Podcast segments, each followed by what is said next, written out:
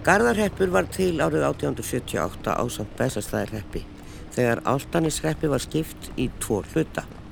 Var hann kentu við kirkistæðin Garða á Áltanesi, Hafnafjörður var innan reppsins fyrstu þrjá áratugina en var skilum frá honum þegar hann fekk kaupstæðaréttindi 1. júni 1908. Sjálfur fekk Garðarheppur kaupstæðaréttindi 1. janúar 1976 og nefndist eftir það Garðabær. Ferlið er vefur þar sem margt er að finna og getur verið gaman að lesa. Þó aðalega um áttaga og örnefni á árið 1924 skrifa maðurliklega bóndi á Garðaholti í tímaritið Harðjagsl og hann ávarpa rittstjóran herra rittstjóri og upprópunamerki. En það gaman að lesa þetta bref og fólk getur fundið það en við skulum grípa aðeins niður í tekstan hjá hann. Skamt frá Þorgeirstöðum er bílið stekkur þar býr Sigurður. Þykir hann gera það gott eftir atvikum. Næsti bær við stekkar ás, þar býr Oddgeir, svona Þorkels, en það er sami maðurinn sem ekki bauð sér fram fyrir hreppstjóra hérna um árið en varð hreppstjóri samt. Ég man ekki hvað lengi. Nú er höfubóli Setberg næsti bær. Þar býr nú Jóhannes Reykdal og hefur mikið um sig. Þar byggu áður Haldur og Anna sem að margi kannast við. Næsti bær við Setberg er Urðakort. Þar byrg Guðmundur. Er hann tengt að fæði Björns bólsevikka í fyrðinum og er sagt að Guðmundur sé ekkert upp með með af þeim tengslu. Þá koma næst Vívilstaðir. Þar er nú reygin fyrirmynda búskapur á kostna ríkisjóðs undir stjórn Torlefs og myndu vart vera betur reygi búið þótt einstakur maður ætti og sínir það að ríkis er ekstur á fullkominn tilverurétt á hvaða sviði sem er ef honum er vitulega stjórna. En heldur þykir bændum útsvarið vera lágt á búinu. Í brefinu til Harjagsl er hver og einn tíundagur með nafni og viðunefni en aðeins einn kona nefnd, það er hún Anna sem ég nefndi þarna áðan. Og nokkur sinnum hvarta menn yfir ofláu útsvari. Það verður ekki heyrast oft í samtímanum en eh, álit brefritar hans á búmennsku góðri eða slæmri nánast við hvert bæ. Skemmtileg lesning. Jæja, við skulum snú okkur að efni þáttarins í dag þar hér setja Aron Björn Viljánsson skipilastjóri Garðabæjar og Örn Vaf Kjartarsson framkvæmdastjóri framkvæmda félagsins Eski Ás HF en við hefjum hins vegar leikin hjá Sigurði Einarsinni og Sveini Bjarka Þóransinni arkitektum hjá batteríinu en þeir eru hannuðir Eski Ás í Garðabæ sem er hverfið sem við skoðum í dag. Við erum komin í Hafnafjörðin á uh, arkitektastofuna Batteríið sem er hér á Kvalirabraut í fallugur nýju húsi, eða nýlegu allavega. Sigur Reynarsson er hér arkitekt og Sveit Þóransson, auðvitað líka arkitekt. Þeir hafa verið að hanna nýtt hverfi í Garðabænum uh, sem að uh, heitir Eski Ás. Þetta er rétt á gamla FG Ég var nú svolítið ruggluð yfir þessu hvað þetta væri eiginlega en, en þetta er eiginlega bara svona svolítið upp á hæðinni eftir ljósinn inn að uh, Garðatorki aðeins lengra og þar vestami við Reykjavík Þetta er aldrei mikil byggð, 280 íbúðir tæpar og það er byrjað á sig og það eru allavega eitt hús komið eða svona fyrirningur, þetta er byggt í ferninga þegar maður sér svona ferninga einhvern veginn að því að við erum alltaf að sjá þetta á hlýðarandakverfinu en, en við höfum ekkert mikið verið að byggja svona síðan bara meðri síðustu öldu við getum talað um sko grettskott og njálskott og, og þar er svona þessi randbyggð og gardur svona þetta er búið að danst finnst mann einhvern veginn.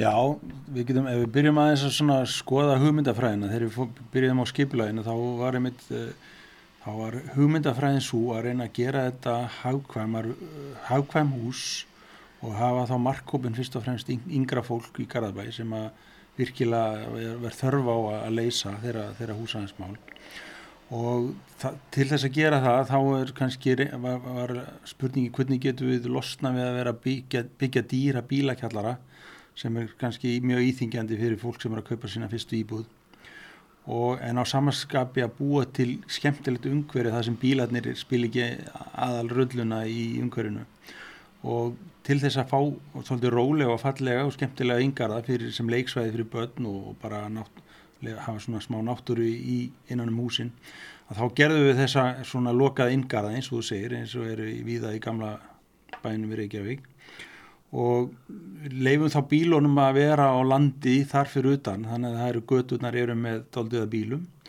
En þið, á móti það eru opið alltaf á tveimu stöðum inn í þessa garda þannig að þetta gangi gegnu það og þetta er ekkit lokað svæði íbúana bara í raun og veru það er ekki enginn sem kemur í veg fyrir það að mann geti lappa þetta í gegn en þá, þá er komið skemmtilegt svæði fyrir fólk að dvelja og sérstaklega börnin að leika sér þarna inn á milli. Og örug já náttúrulega, en e, já, á því ég segi dans, þetta er náttúrulega kannski ekki rétt hjá mér, þetta er náttúrulega byggt svona út um allan heim og hefur verið gert í gegnum tíðina allavega á síðustöld.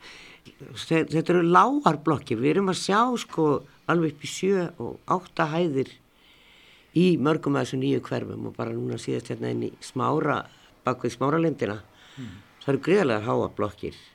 En e, var þetta ykkar ákvörðun eða framkvæmda aðilega að vera að byggja svona lárist?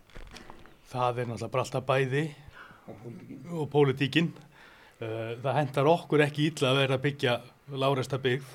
Ef við fáum alltaf miklu vissleira umhverfi við með lága byggingar og, og, og, og sólinn næri víðar, það er til dæla vítt á milli húsa þarna. Þannig að, að hérna, þetta verður bjart hverfi, virkilega bjart og yngararnir verða ekki einhverja skuggakompur. En þetta er, næri þetta niður að sjó þarna á þessum enda Garðabæðir? Nei, nei, nei, nei. Nei, þetta er svona þarna bara í miðjunni. Lingársin er þarna bara gatan fyrir neðan, já. Já, já. Lingársin er þarna fyrir neðan. En það sem að, til að bæta við það sem að Sveit var að segja, að, að þetta er þetta, við það að hafa ekki hærri byggingar heldur en tryggja það byggingar, það fáum miklu svona notalega umhverfi heldur en þessi háu skuggalugu íbúða sem við erum að sjá byrtast hér og þar og ekki síður það sem við lögum mjög rík áherslu á þessu, í þessu skiplagi það er skjól. Þó svo að við séum með úti tröppur alltaf upp á aðra hæð það er ingangar í, í mikið að íbúðunum er á annara hæð bæði það er íbúður sem er á annara hæð og það sem er á þriðju hæð það er gengiðin á annara hæð. Og við erum með úti stiga það sem, sem eru í svona það er svona rimlaveggir í kringum þá til þess að brjóta vindin og ekki bara til að brjóta vindin í kringum ingangana heldur bara í kringum húsið og, við erum að vinna líka með svona svalahandrið sem eru svona rimlaverk í leiðinni og allt þetta spilar þessa, þessa, þetta hlutverks að, að búa til skjólsælt og notalt umhverfi. Eh, þetta er, sko, menn hafa nú verið að breyta eins með þessa bílakjallara því að þetta eru svo dýr stæði fyrir bílinn og sumir eru náttúrulega með tvo og þrjá bíla og bara, þetta, þetta kostar eins og önnur íbúð þrýr bílar, það er bara fáralegt sko þú borgar kannski 30 miljónur á mánuði fyrir þrjá bíla? Eða 30 miljónur fyrir stæði? Já, og svo er náttúrulega allar að leia þau þá er þau alveg jafn dýr svo sem. Já, já. þannig að þetta er óhagkvæmt. E, kannski eru Íslandikar eitthvað tilbúinur að, að minka bílanótkun en e, þannig eru bílastæðin úti og sömur eru að byggja bílastæð á hús bara svona eitt og svo þarfst bara að ganga en getur keist vörurnar heim en þú fer með bílinn bara doldið frá e, og svo er enga lyftur og, og það er svona, þú veist, þetta núna er svona borgin allavega Reykjavík að tala mikið um að byggja eina hæðan og blokkirnar í breiðhaldi til að geta sett lyftuhús svo Já. fólk getur verið lengur heima e, ég sé það nokkið alveg framkamast því að það er alltaf margir eigandur í einni blokk en hvers vegna ekki lyftur? Það er bara að, að mörgum ástæðum. Fyrst, fyrst er náttúrulega að nefna, eins og við vorum að tala um áðan, að við viljum halda byggðinni láreistri, fá mannlegan skala á þetta, fólki líði vel þarna, sé rúmt á milli húsa og, og sól allstaðar. Uh, liftur kosta líka og það eru, það eru dýrpóstur í, í, í húsum, þannig að ef maður kennst hjá því að nota þér, þá er það bara pluss. En er, eru þá þessar íbúðir sem þú gengur inn í annar, eru þær tveggjahæða? Þá gengur, til þess að komast í íbúð upp á þriðjuhæð, þá Já. gengur inn í forstofu sem er á annara hæð og svo er þá stígi innan íbúðar upp í sjálft íveru rýmið. Já, ég skil. Já. Ertu með einhverja myndir á því segur það því að þetta er náttúrulega svona svolítið já, kannski kunst að hanna þetta svona?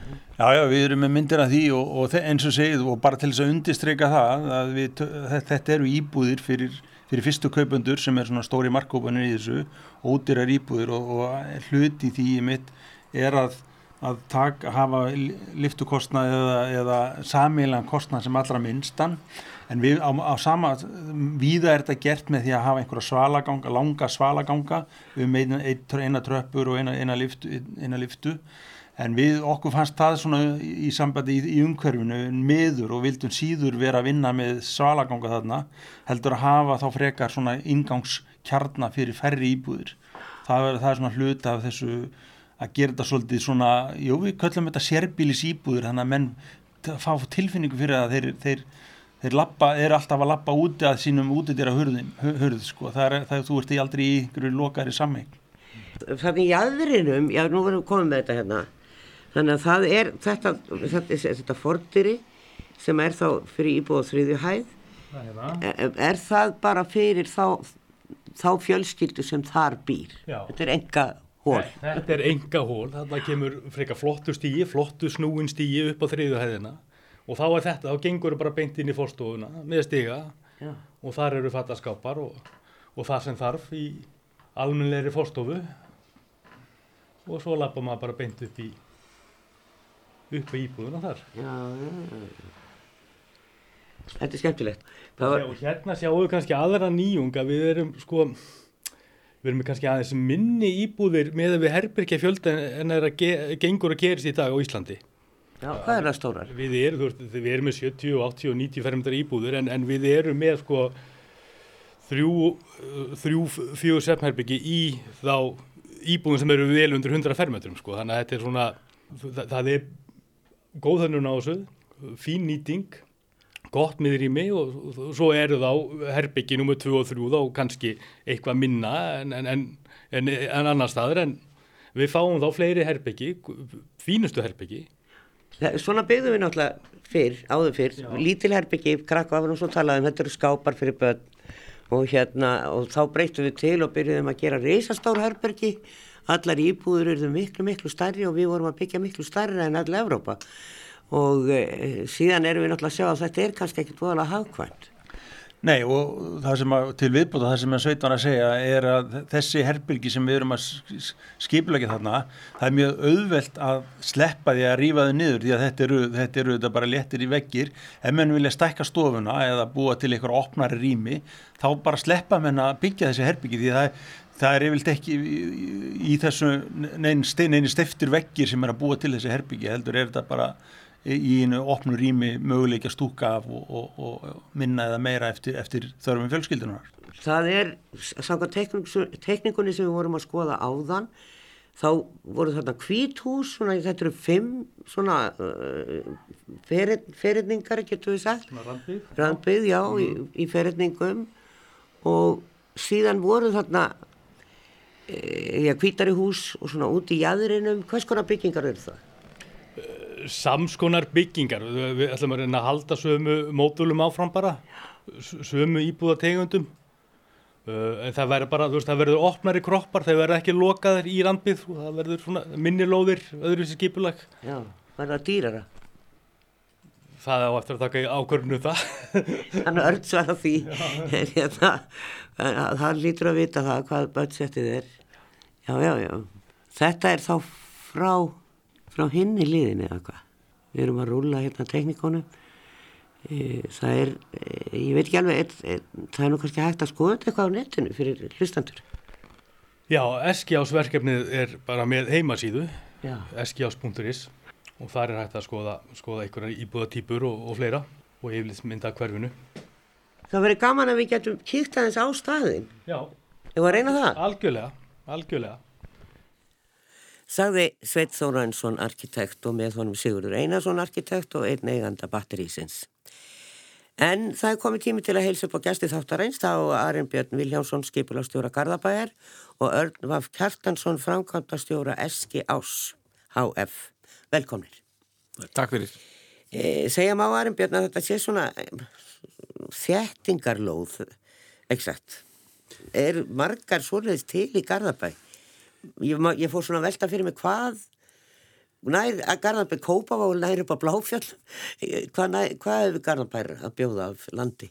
Sko, Garðabæri á í sjálfu sér heilmikið land sko og, og sem er uh, stóru hluta bara óbyggt Já. en við erum aftur á móti þarna inn á svæði sem er, er það, það sem við köllum og höfum skilgrind í, í, hérna, í okkar aðskipula í þróunarsvæði Það þýðir það að við erum að skoða þarna, þessa, þessa margi þekkja náttúrulega í kringum Lingásinn, þarna sem að voru verkstæði og, og nákvæmlega þessara lofa nú hérðin hérna með, með sína starfsemi, Frigg var hann einu sinni við hliðina og, Já. og svo framvegis. Og þetta svæði sem er náttúrulega gríðarlega vel staðsett bara á höfuborgsvæðinu uh, hérna er að, þró, er að þróast úr því að vera svona aðtapna svæði yfir í íbúabigð Já, og þetta er bara fyrst í rauninni áfangin af þess í, þeirri uppbyggingu.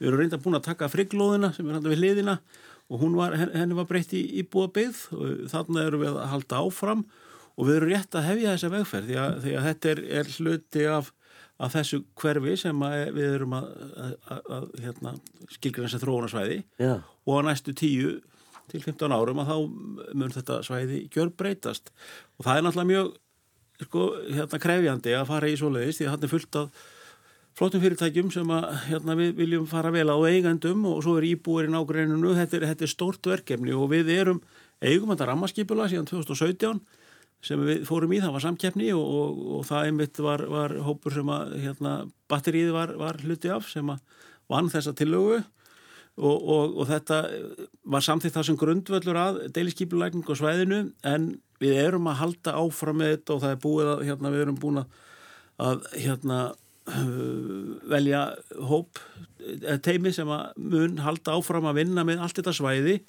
í aðskipulæg ramma hluti aðskipula þar sem við tökum lingásvæðið og hafnafjörðavegin og, og þar hérna náttúrulega þetta er allt, tengist allt innbyrðis að sjálfsögðu samgöngunar er náttúrulega stór og mikið váðu þáttu í þessu. Því heyrið að við erum að tala hann náttúrulega færri, færri bílastæði á, á íbúðheldur en að gengur að gerist. Það er eitthvað 1,2 um það bíl þarna sem er náttúrulega mjög sko lítið í Garðabæ sko. Og, og hérna sem er náttúrulega þekktur sem, sem bílabær og svona sem, sem útkverfi þannig, svona þetta hefðbundna. En þarna er náttúrulega skapast nýtt tækifæri líka út af borgarlínu sem kemur í framtíðinni og þessum samgöngu á sem að verður þarna með fram hafnahæra veginum og þetta er allt bara hluti, hluti af þessu sem er að gerast á höfbruksæðinu sko við erum að sjá þetta einmitt gerast, það er verið að fara inn í voga hverfið Já, já. og komið nýtt hverfi voga búið að byggja heilmikið þar. Ártúnsoltið er undir núna í skipulagningu og það verður nú ekkert smáis, það er ekkert smáis þessum fyrirtækjum er, sko, og, og líka alltaf kásnesið, það er svipað e, sko sem framkvæmdaðili eru þetta stóra mikil tækifæri að fara inn á svona svæði því að það lítur að vera sko málamiðlun við þá sem er að reka fyrirtæki sín á landinu. Já, já, við kannski vorum ekki því hlutverki að, að, að fara í solis málamiðlun. Nei, Þarna varu náttúrulega öll, öll starf sem við farin þegar við komum að málum. Uh, þarna stóð eftir stór skemma sem að sömur fóru í go-kart á, á sín tíma þar sem var svona einhver svona síðasta starfsem sem var þarna var að vera að nýta stórt hús.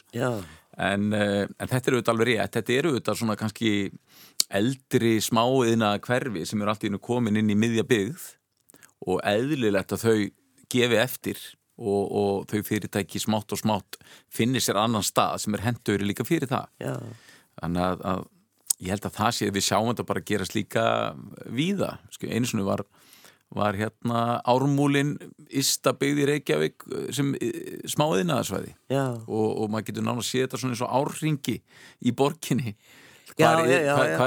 íbúðbyggðin gleipir þetta sko Já, en en það er, þetta er, þetta er svo mörg hverfi á höfuborgarsvæðinu að hérna, maður hugsa að byrja hvað og senda alla upp í Álsnes, þetta er það ekki sem að, Inni, sko, það er náttúrulega, sko, fyrirtæki eru allavega, sko. Já, já, og, og það eru hreinleg og fín. Já, ég meina, við erum, sko, við erum að horfa til þess á þetta, þetta svæði sem líka, sko, þetta er blöndu bygg, sko. Við erum líka að horfa á þetta ver- verði skrifstofu húsnæði og önnur starfsemi sem getur verið far, farið vel með íbúðabyggð. Þannig það er ekki þannig að við séum að rekja þetta allur stað sem er burtu, það er alls ekki þannig.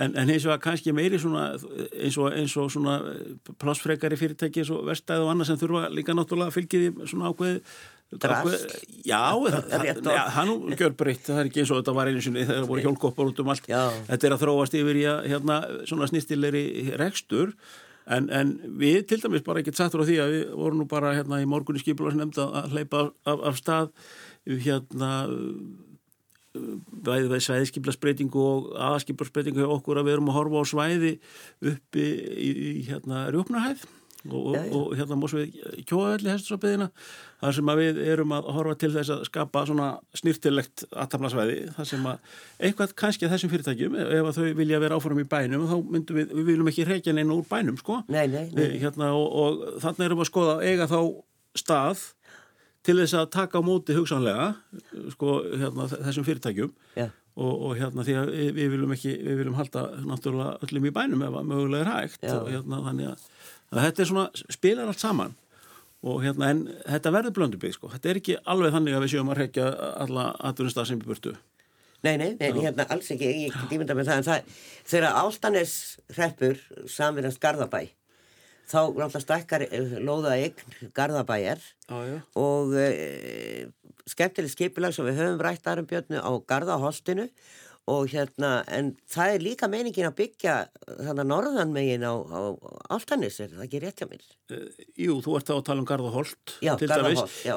Jú, sko, ég sjálf sér það er náttúrulega já, að skipulagi að gert ráð fyrir íbúa byggð þar og, og öllu því svæði, það verður bara verkefni í framtíðarinnar að, að taka stáið það Já.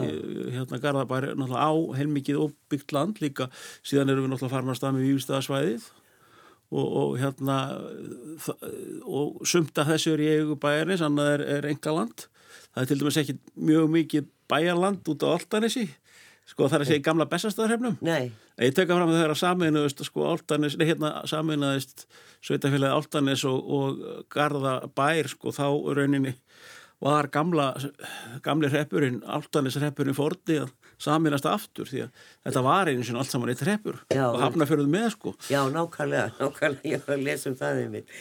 Eh, En eh, svo við snúum okkur aðeins að öðru, aðalmálið í dag er að, að, að við verðum grænni og, og byggjum hagkvæmt og náttúruvænt í rauninni og bara eh, sjálfbærni er í fyrsta orðið.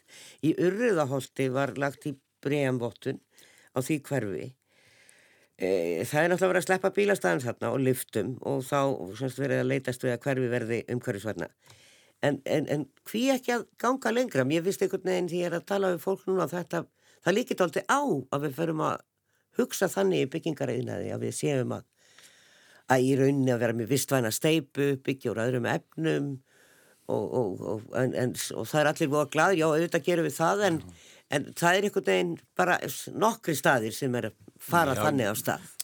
Já, ég held að þetta sé sko, nú er þetta að verða meira og meira í bóði, þessi stóru fél eins og bík og húsmennar bjóð upp á ótal vörnúmer Já. sem eru vottuð, þetta er í mikilli þróun, en, en það er eins og er, þú veist, það er auðvitað hvati til þess að gera þetta, ég hugsa þetta sé að snúast eða átt að þetta sé að allir farið þangað, hitt verði undatækningin, Já, en, en það gerist ekki í einu kvelli, nei, en það gerir smá saman. Og ég held að þetta sé þú veist það er allir að takin hlut af þessu eins og í eskjásnum erum við með, með svona blágrann og ofanvarslausnir erum að leggja eins mikið eins og við getum í því.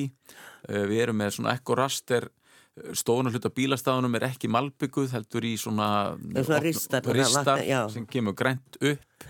Og, og, og, og svo lengra og það eru þetta líka mikil áhersla sem við eða tókum enn lengra í eskjásnum að að reyna svona rafbíla væða bílastæðin og, og höfum verið í, í samvinnu við orku náttúrunar um að koma að því aðeins með okkur, sitt upp stöðvar strax og við erum til dæmis með sér heimtögar bara fyrir það ekki að sækja rafmagn úr húsunum. Nei, að, að bara til þess að gera þetta upplöðra og við getum þar nánast getur eskja á sín orðið sko 66% af því getur verið rafbílastæði á öllum stæðum. Já, en þar að segja við erum búin að víra það þannig upp sko, þó sem við séum alveg komin að við teljum að kaupindri eskja og sé, séu jáfnvel fólk sem að mun ekki þekka hana heldur en eiga rafbíl rafbíl skilur þannig að þetta eru svona hlutir allt sem að held ég að sé hluta af, af þessum úr að tala um. Já. Talandi um sjálfbarni, sko, það er alltaf svolítið spotti að mann ætlar að ganga þarna niður á það sem að hagkaup og það er á hotnurinn þarna fyrir neðan, eða í norður átt, fyrir fólk sem að kemur til með að búa þarna. E, það var bara fyrir nokkrum árum þá og meðal annars til dæmis í hlýðarenda hverfinu var planað að það eru þjónustu sem neðsta hæðin væri fyrir einhver, einhvers konar þjónustu og síðan var það minkað því að það, það var ekki hægt að sjá að þarna getur verið búið í hverju lokali eða einhvers konar þjónusta. Eh, hvað með þarna? Sko, nú erum við náttúrulega, sko, þetta er nú bara hluti af þessu hverfi sem við erum að byggja upp til, til framtíðar Já. og svo er náttúrulega þetta hverfi fyrir það sem er einhver, einhver þjónusta, sko, en, en, en þetta með, sko, við þekkjum þetta vel, sko, það sem að menn hafa nú oft verið svona stefnaðar en að fá lifandi jarðhæðir, eins og þetta kallað, já, já. sko, hérna, og auðvitað, sko, er það frábært það sem það virkar. Nákvæmlega þarna í Eskjási sem er þessi gata sko sem er hérna, þar eru, eru ekki að horfa svolítið stjónustu og já, þetta er bara íbúður og jarðhæð og, og hérna en í, við Lingás í framtíðinu og allavega þetta skipula sem er komið sem við erum síðan áfram að vinna þá hafum við hort á sko, þá götu svona sem, sem möguleika f- fyrir þannig starfsemi Já, og bæði þjónustu og svo bara fyrirtæki og annað á, á jarðhæð Já. og þá kannski horfur til þess að vera með hærri lofthæð Já, á jarðhæðinni.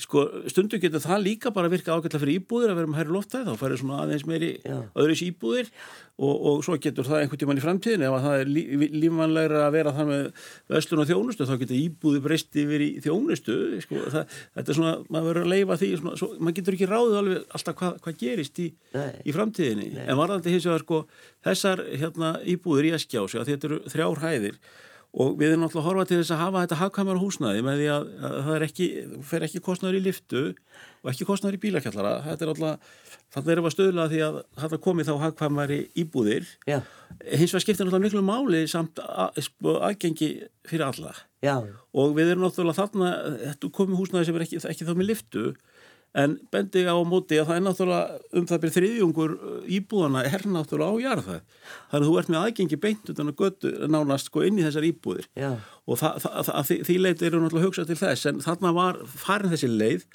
að, að, að, að, hérna, falla frá kröfu um, um liftur sko. Og, og, og hérna þannig að, að þetta er svona eh, bara hluti á þessari, þessari stefnu þarna í öllu þessu hverfi verðum við kannski með, með meiri fjölbreytni sko í hinnum hérna hlutunum verðum við kannski með fjórar uh, og alltaf fimm hæðir neðar í brekkunni þar sem við verum þá með, með liftur já, Þannig að þetta er svona bara fyrsti, fyrsti áfangin í, í, í, í, hérna stóru hverfi, sko. nákvæmlega. E, áður við bregðum okkur á byggingareitin þá kannski, ég hef svo ánæg með að þetta eru bara þrjárhæðir.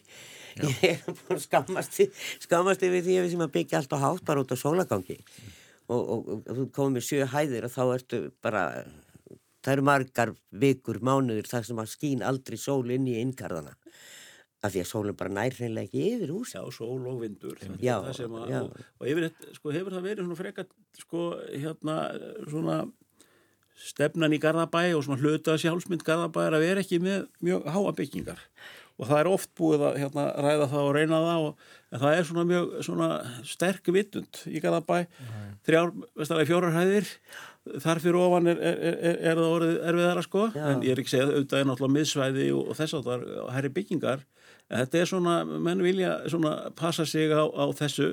En ég, veist alltaf gaman að nefna Hraunbæn í Reykjavík sem svona þryggja hæða svona byggð og garðar og þetta er, þetta er svona líka bara sambandið að hérna foreldrarna upp á þriðju hæð við barni sem er út í garða að leika sér þú getur svona að tala Það er en að við fjórðu hæðina þá gerist eitthvað sko, þá ertu ég komið lengri um sem sko. komin upp á sjöndu Já, ég er að segja það sko. Þetta er eitthvað svona svolítið mannlegu skali sem þú færð með þessu Já. Og það er líka það eins og við sáum hann því að okkur var sjálfur sér heimilt að byggja fjórar hæðir í, í sko neðurlutunum næst lingási. Við fórum í deiliskyflasbreytingu og lækkuðum Já. úr fjórum í þrjár, Já. færðum til íbúðurinnar reytsins til þess að gera þetta allt saman með sér ingöngum.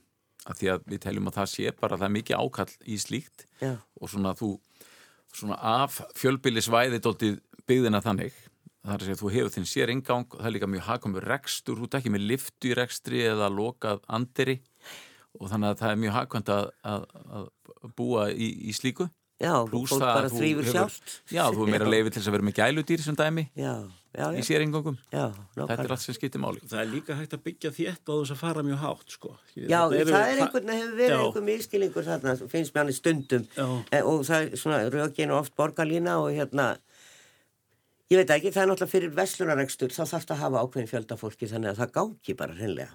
En við skulum bregða okkur aðeins á uh, byggingareitin, Eski Ás í Garðabæ. Já, við Sveit Þóransson, arkitekt hjá batteríinu, uh, er svona potturinn á pannan í þessari nýju byggð. Eski Ás heitir þetta og við erum komin hérna á byggingasvæðið. Við sjáum hér fullt af nýjum blokkum sem að er nýlegum, það er flutt inn í þær allar svo sem og uh, ég veit ekki hvort að fólk man eftir, það var ekki sápugerðin Frigg. Hún var hérna á þeim, á þeim lóðum, hérðin var hér og hér er bara búið að taka allt og það er einn, fyrsti fyrirningurinn er að rýsa eða er rýsin, þetta verður ekkert hærri en þetta svein. Þetta er bara loka hæðin sem hún sér hérna. Já. Þetta, þetta, þetta er hóflegt í umhverju sínu. Ég, ég, ég, ég þrái að þessi byggt meira svona hérna á Íslandi. Ég skil ekki alveg sko, hvað það er sem að rekur, auðvitað vantar íbúður og alltaf það þarf að þjætta. En e, sko til dæmis eins og inn í smáranum, akkur þarf að þjætta svona mikið þar. Það er út með vestlunarmiðstöð við hliðina. Sem að kemur fullt af fólki hvort þið er. Já, já, ég, það eru örgulega ímsar ástæði fyrir því, sko, og hérna, örgulega góðar ástæður. Já, já, það vantar náttúrulega húsnæði. Það vantar húsna og annað, en, en, en sólin er aldrei mjög hátt á loft á Íslandi. Nei, í einna hálfa mánu. Já, Já. þannig að við erum ekki í miða-Evrópu og við þurfum að fá sól á milli húsan okkar. Það er alltaf mín skoðun, þannig að það er mikið til þess vinnandi að, að fá það í gegn. Já, Þárvaldur arkitekt sem er einn af hönnuðum í árbæðakverfisins á sínum tíma, orðin fullorðin maður og hann sagði mér ekkert um að þegar við vorum að ganga um árbæin að, að þar er ein raðhúsabyggð sem er þarna sem sagt vestan megin við uh, göttuna þarna yfir hæðina, ég veit ekki hvað hún heitir, að það byggju jafn margir þar í þeirri uh, raðhúsabyggð sem er bara á einni hæð og svo kjallari og í þessum láreistu blokkum sem eru í árbænum.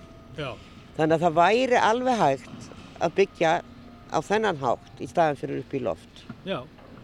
Og samt erum við ekki að gera það.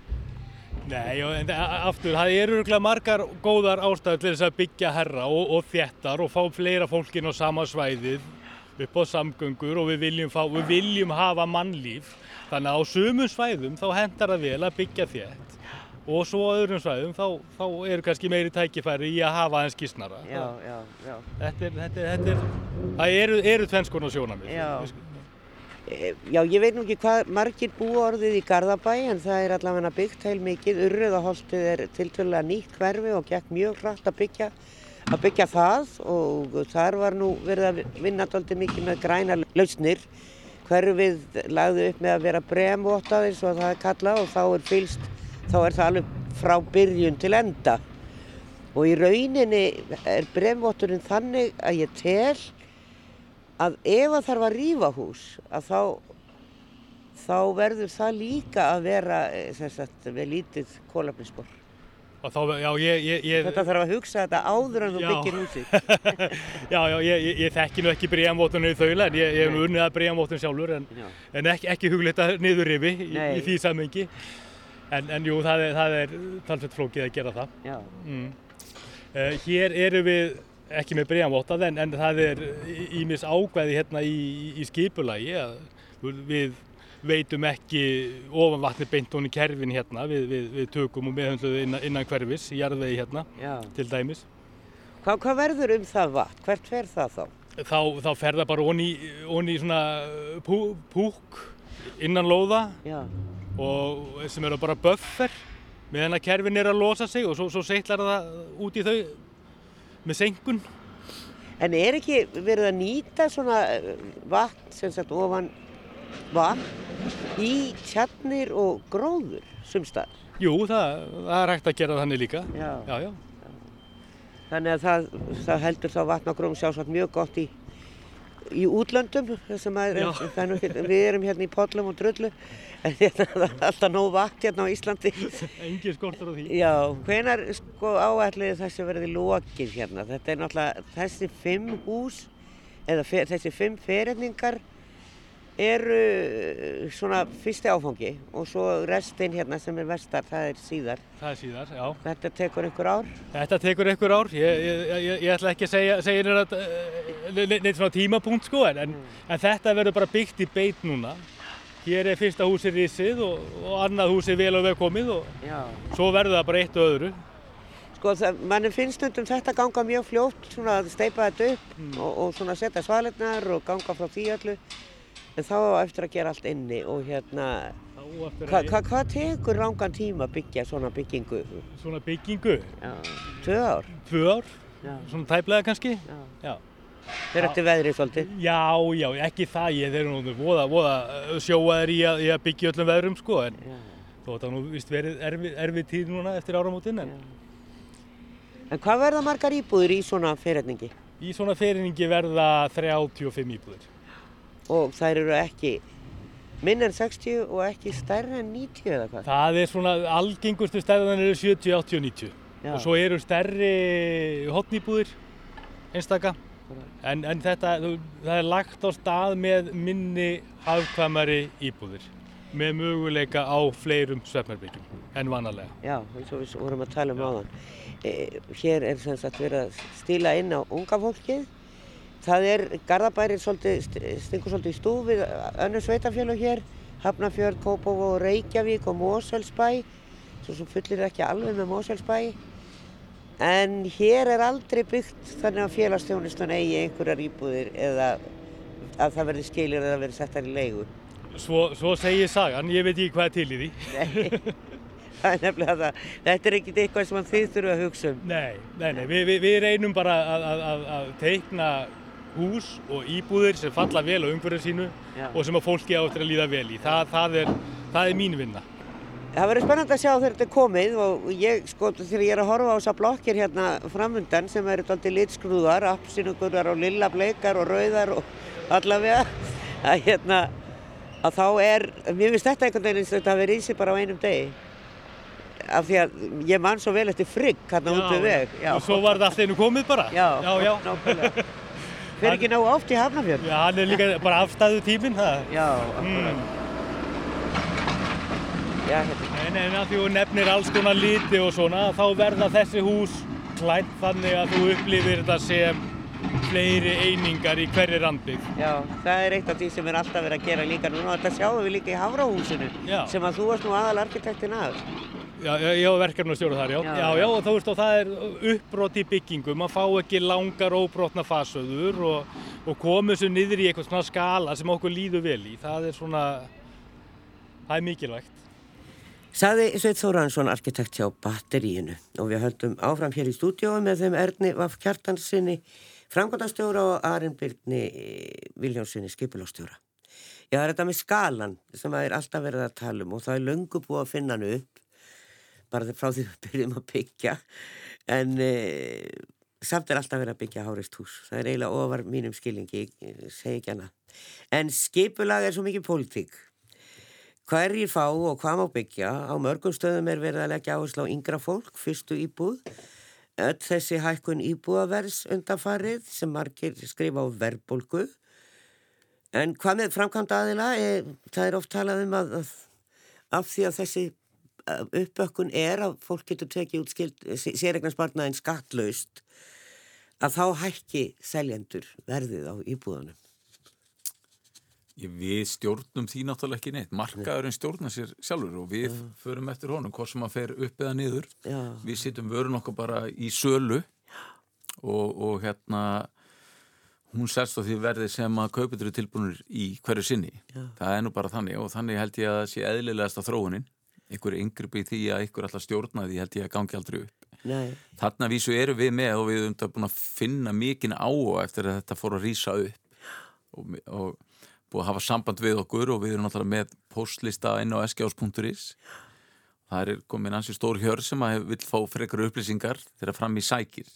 En það er bæði finnum við fyrstu kaupendur en einni líka eldra fólk sem að er mitt eins og Arabjörn sagði sér fyrir þess að geta gengi beint, beint inn í íbúði sínar. Já, þannig að það er svona allavega í því sko. Og þannig er líka geimslur innan í allra íbúða. Já, það er ekkit sér geimslugangur, það er engu kjallarar. Nei, þannig að þú ert bara, þá notar geimsluninu meira líka sem búr og verður miklu meiri nýting á geimslunu heldur en að hún sé niður í kjallara með einhverjum dekkjum eða einhverju gömlu sem hún notar aldrei Já, og svo maður nennir maður ekki niður og ná í það sem maður notar. Sko þarna getur náttúrulega líka sveitafélagi komið inn með skipulags sko áherslur og eins og er þessu tilfelli. Þar hefur uh, Garðabær hérna sett þau ákvæði þannig þessu skipulagi að þannig er ekki bílakjallarar. Þannig eru þrjárhæður og án, án, ánliftu, þannig getum við haft og bara nýta vel uh, hérna lóðirnar. Já, og þannig getum við náttúrulega farið þáleið til þess að hafa áhrif á lægra byggingaverð og það var bóstálega markmiðið með þessu skipulagi að, að, að svo yrði. Og reynda var það líka markmiðið með, með rammaskipulagin svona í heilsinni að skapa möguleikan á þessu.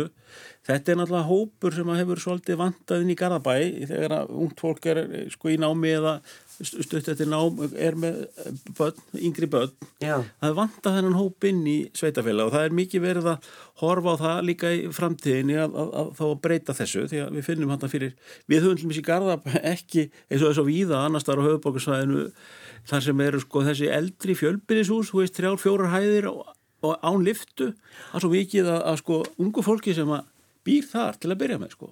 Og, og hérna og einmitt getur alveg hugsað sér að vera, vera þá án liftu þarna fæst meira þannig húsnaði sem þetta fólk, við erum að reyna svona að skapa þarna möguleikan fyrir þetta og það, við munum horfa til þess áfram í, í uppbyggingunni því að þetta Já. er ánáttúrulega bara að vera fyrir alla kynnslóðir og, og að, að búi í bænum sko. já, það er verið að byggja út um allt og hér í Reykjavík veit ég að það er stefna borgarinnar að, að, að eitthvað af íbúðinu fara í félagsstjónustuna og eitthvað af íbúðinu verði leigu íbúður. Þetta, Garðabær hefur ekki lagt áherslur á þetta, þetta er náttúrulega pólitík. Þú ert embættismæður hérna, og berði ekki já, ábyrð já, á en, þessu. en það er náttúrulega félagslegar íbúðir alveg til, það er ekki það, það. Og það er náttúrulega verið, verið hérna og það er líka verið að finna bæði staðsetningar og verið að byggja uh, hérna svona búsettkjarna fyrir, fyrir, fyrir fallaða og, og, og þá sem að þur- þur- þurfa á því að halda og, og þannig að, og í urriðaholti sem er nota beni ekki bæjarland, það er enga aðilar sko, það er nú bæði bjarg og búsetti að byggja. Já, Þannig að það er svona engin, engin hrein stefna um það að byggja ekki svolítið súsnaði. En þess að hefur náttúrulega verið, þetta er Garðabær svona þessi klassíski Garðabær sem hann hafa þekkt, hefur náttúrulega verið svona einbílisúsa byggð, sér bíli mikið og bara hann óks rauninu upp sem svona nánast útkverfi. já, Þetta er rosalega mikið að breytast og, og verður bara margt að gerast nýtt í framtíðinni. já. Og hérna, en auðvitað er alltaf líka, líka pólitík og hérna, það Já, er já, það er, bara, það er alls það pólitík. En að því vorum að tala eins um verðlag áðan, að hérna, sko, og, og, og tala um sérregnarspartnaðin, en svo er þetta húsalegu bæturnar. Það, má, það eru margir sem halda því fram að, að leiga hafi hækkað vegna þess að fólk fær húsalegu bætur að þá takir leigusalinn bara þá upphæð og setur hon á leguna svo hann fái sama pening. Þannig að það skiptir svo einhver máli fyrir, fyrir leigandan.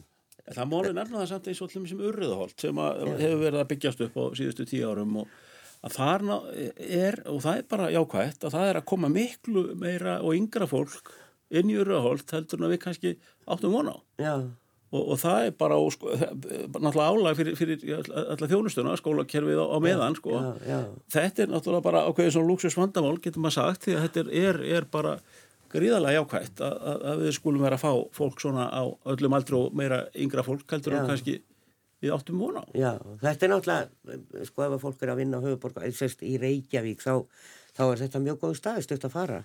Og Þetta bara er miðsvæð, data- Garðabæri er bara miðsvæðis og hérna, þannig að Já, já, Eskjásin er náttúrulega byggður í, í þróari byggð þannig að þarna eru nú til staðar skólar og, og íþrótta, stutti íþrótta hérna, mannverki inn og allt annað. Það, er ekki að býða eftir þeim Nei, þeir eru komnir áður nú kemur inn. Já, nákvæmlega. Það Það er endur nýting á hverfum er mjög góð í þessu sambandi. algjörlega. Mér langar líka þú veist að nefna ofanvatnið að sko við horfum til þessi framtíðina að náttúrulega vatn, við séum að vinna á þarna með sjálfbara ofanvatnslausnir eins og við höfum verið að gera annar staðar, allstaðar í nýju, nýjum hverjum í okkur. Þarna hallar all land niður að hraunsólsleik og það er bara á bakvið hérna svona fyrirtækin sem eru þarna það vita að fáir að því að þarna er bara þessi fallegi lækur sem er á, á náttúrminjaskrá rennur Já. hann í gegn og hann rennur í gegnum sjálanskóla og, og, og hérna úr vývistaða vatni og, og þannig að þetta er bara svæði sem við getum sko ætlum okkur að, að endurlífka og eignast þarna fallega græn svæði niður við þennan fallega læk sko sem er, er mjög merkilegur ánáttur mín að skrá Já, þannig að það verður ekki hróplað við því. Það er bara eh, góð hugmynd. Og hérna, ég var einnig mjög hrifin af þessu með ingangana. Eh, og hef ekki heyrt um þetta áður að þú sérst að fara upp á þriðju hæð, þú kemur inn á aðra og Já. svo stýji innandira upp í íbúðina þína. Já, já. Eh, Var þessi hugmynd ykkar eða er þetta svona góð við- hugmynd frá góðum arkitektu? Já, þetta er náttúrulega skipulega þetta kannski býður upp á þetta að gera þetta svona og við sjáum þetta við sem þekkjum til ég lít oft til þess að eins og, eins og í hlýðunum þar ser þetta við þar sem hún kemur inn og þar er fatta engið svo stíu upp. Já, já, og þarna er þetta dóttir endurvakið og, og hérna og stíin hjá okkur sem við settum hann í sem er forsteiftur án villipals þannig að hann svona líður upp svona eins og var í, í gamla dag, getum sagt sem svo Já. og brýtur þetta upp aðeins rýmis svona tilfinningunni í íbúðunum. Já, en við teljum að þetta sé bara getur orðið vinsal vara. Já. þarna losnar við líka við liftun og, sti, og, og þetta lokað andiri og stigahús með þessu. Já, já, en þarna auðvitað flytjur sá sem að treysti sér í að búa með svona við, Já. það er bara þannig. Já, já, það er Þannig að náttúrulega, er svona- við, alveg. og við bara ákveðum að fara alla leið í þessu með því að taka fjórðuhæðina og, og dreifu svo enn frekar og búa til meira af svona íbúðum heldur minna. Þannig að ég held að það verði vinsalt Svo verður líka þetta efri hæðum sko í þessum húsum að þá verður líka fallegt útsinni að því að hallar undan út á Arnanesvog og hérna og Bestanesið og til Við erum líka, sko, ólíkt öðrum kannski svona fyrirningum, þá er uppbrot í þakkinu.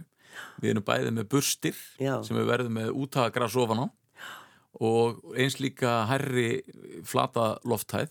Þannig að þarna verður lofthæð í sumum íbúðum allt upp í fjóri metrar. ó, draum. Bæði hallandi og, og beint, sko, þannig að þetta er ekki bara eitt kassi, Nei. hann er brotin upp Já. og það er skemmtilegt. Ég ég spyrja því, um, uh, sko, annar áfangi þarna, þessi, þessar minni einingar sem eru þarna vestast á þessara byggingalóð. Já. E, ég spurði nú Svein hvort að þær eru þá dýrari eða, eða hvort að það væri ykkur öðruvísi íbúðir, hérna, stærri eða, eða hvað er verið að hugsa? Já, sko, meðalstærðin í öllu eskjás hérna og samtals er 91 fermetir. Já, við munum ekkert uh, við, við höfum leiði til að byggja x margar íbúður í þessum hluta líka þar sem þetta brotnar aðeins upp í minni einingar. Og það er ekkert búið að ákveða það að hafa það neitt með öðrum hætti heldur en hinnar íbúðunar veit. það eru bara aðeins minni kjarnar. Uh, hvort við hérna klæðum þar öðrisa innan eða eigðum eitthvað meir í það það er ekkert búið að ákveða neitt með það sko.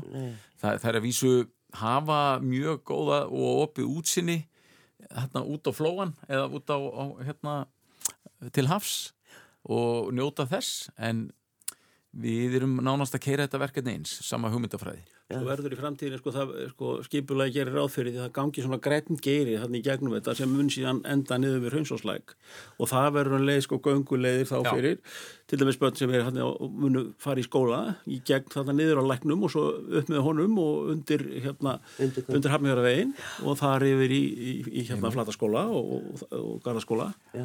og svo er líka mögulegt að fara niður með læknum og enda síðan í, í hérna sjálanskóla þannig að við þennan læk að verða sko hérna á, Eins er- tveir grunnskólar sko. eins er fyrirhugaður ef ég, ef ég uh, fer rétt með hérna, nýri leikskóli á, á FG lóðinni Já, það er rétt við. Íngrás, það, er, það er, verður leikskóli þar á jarðhæð í fjölbjörnshúsi þannig að það verður alveg hliðin á þessu sko, þannig að það, En, en gamli FG, hvað, hvað, hvað er þar? Það er bara fyrirtæki þar og bærin hefur nú verið með hérna, maður sem veit að Garðabæðil með sefur þar aðstöðu núna og það verður notað fyrir listastasemi og að það sé nú þekkt sem Studio Monsters og Men Monsters, séu þarna Já, já, já. það er notað í ímislegt sko Já. þannig að hérna Ætli að rífa hann? húsið Já. Já, eh, það meina hvort eh, það hafi mikið varmesli gild orðið út af þessu Nei, saman. nei, ég bara það er svona að vera að endurhugsa út um allan heim. Já, í staðin fyrir að rífa, að þá bara reynum við að byggja vona og breyta og hérna. Já, ég er nú hrættur um að ég ætla í þessu tilfelli þá verður nú það húsa að, hérna, fjúka.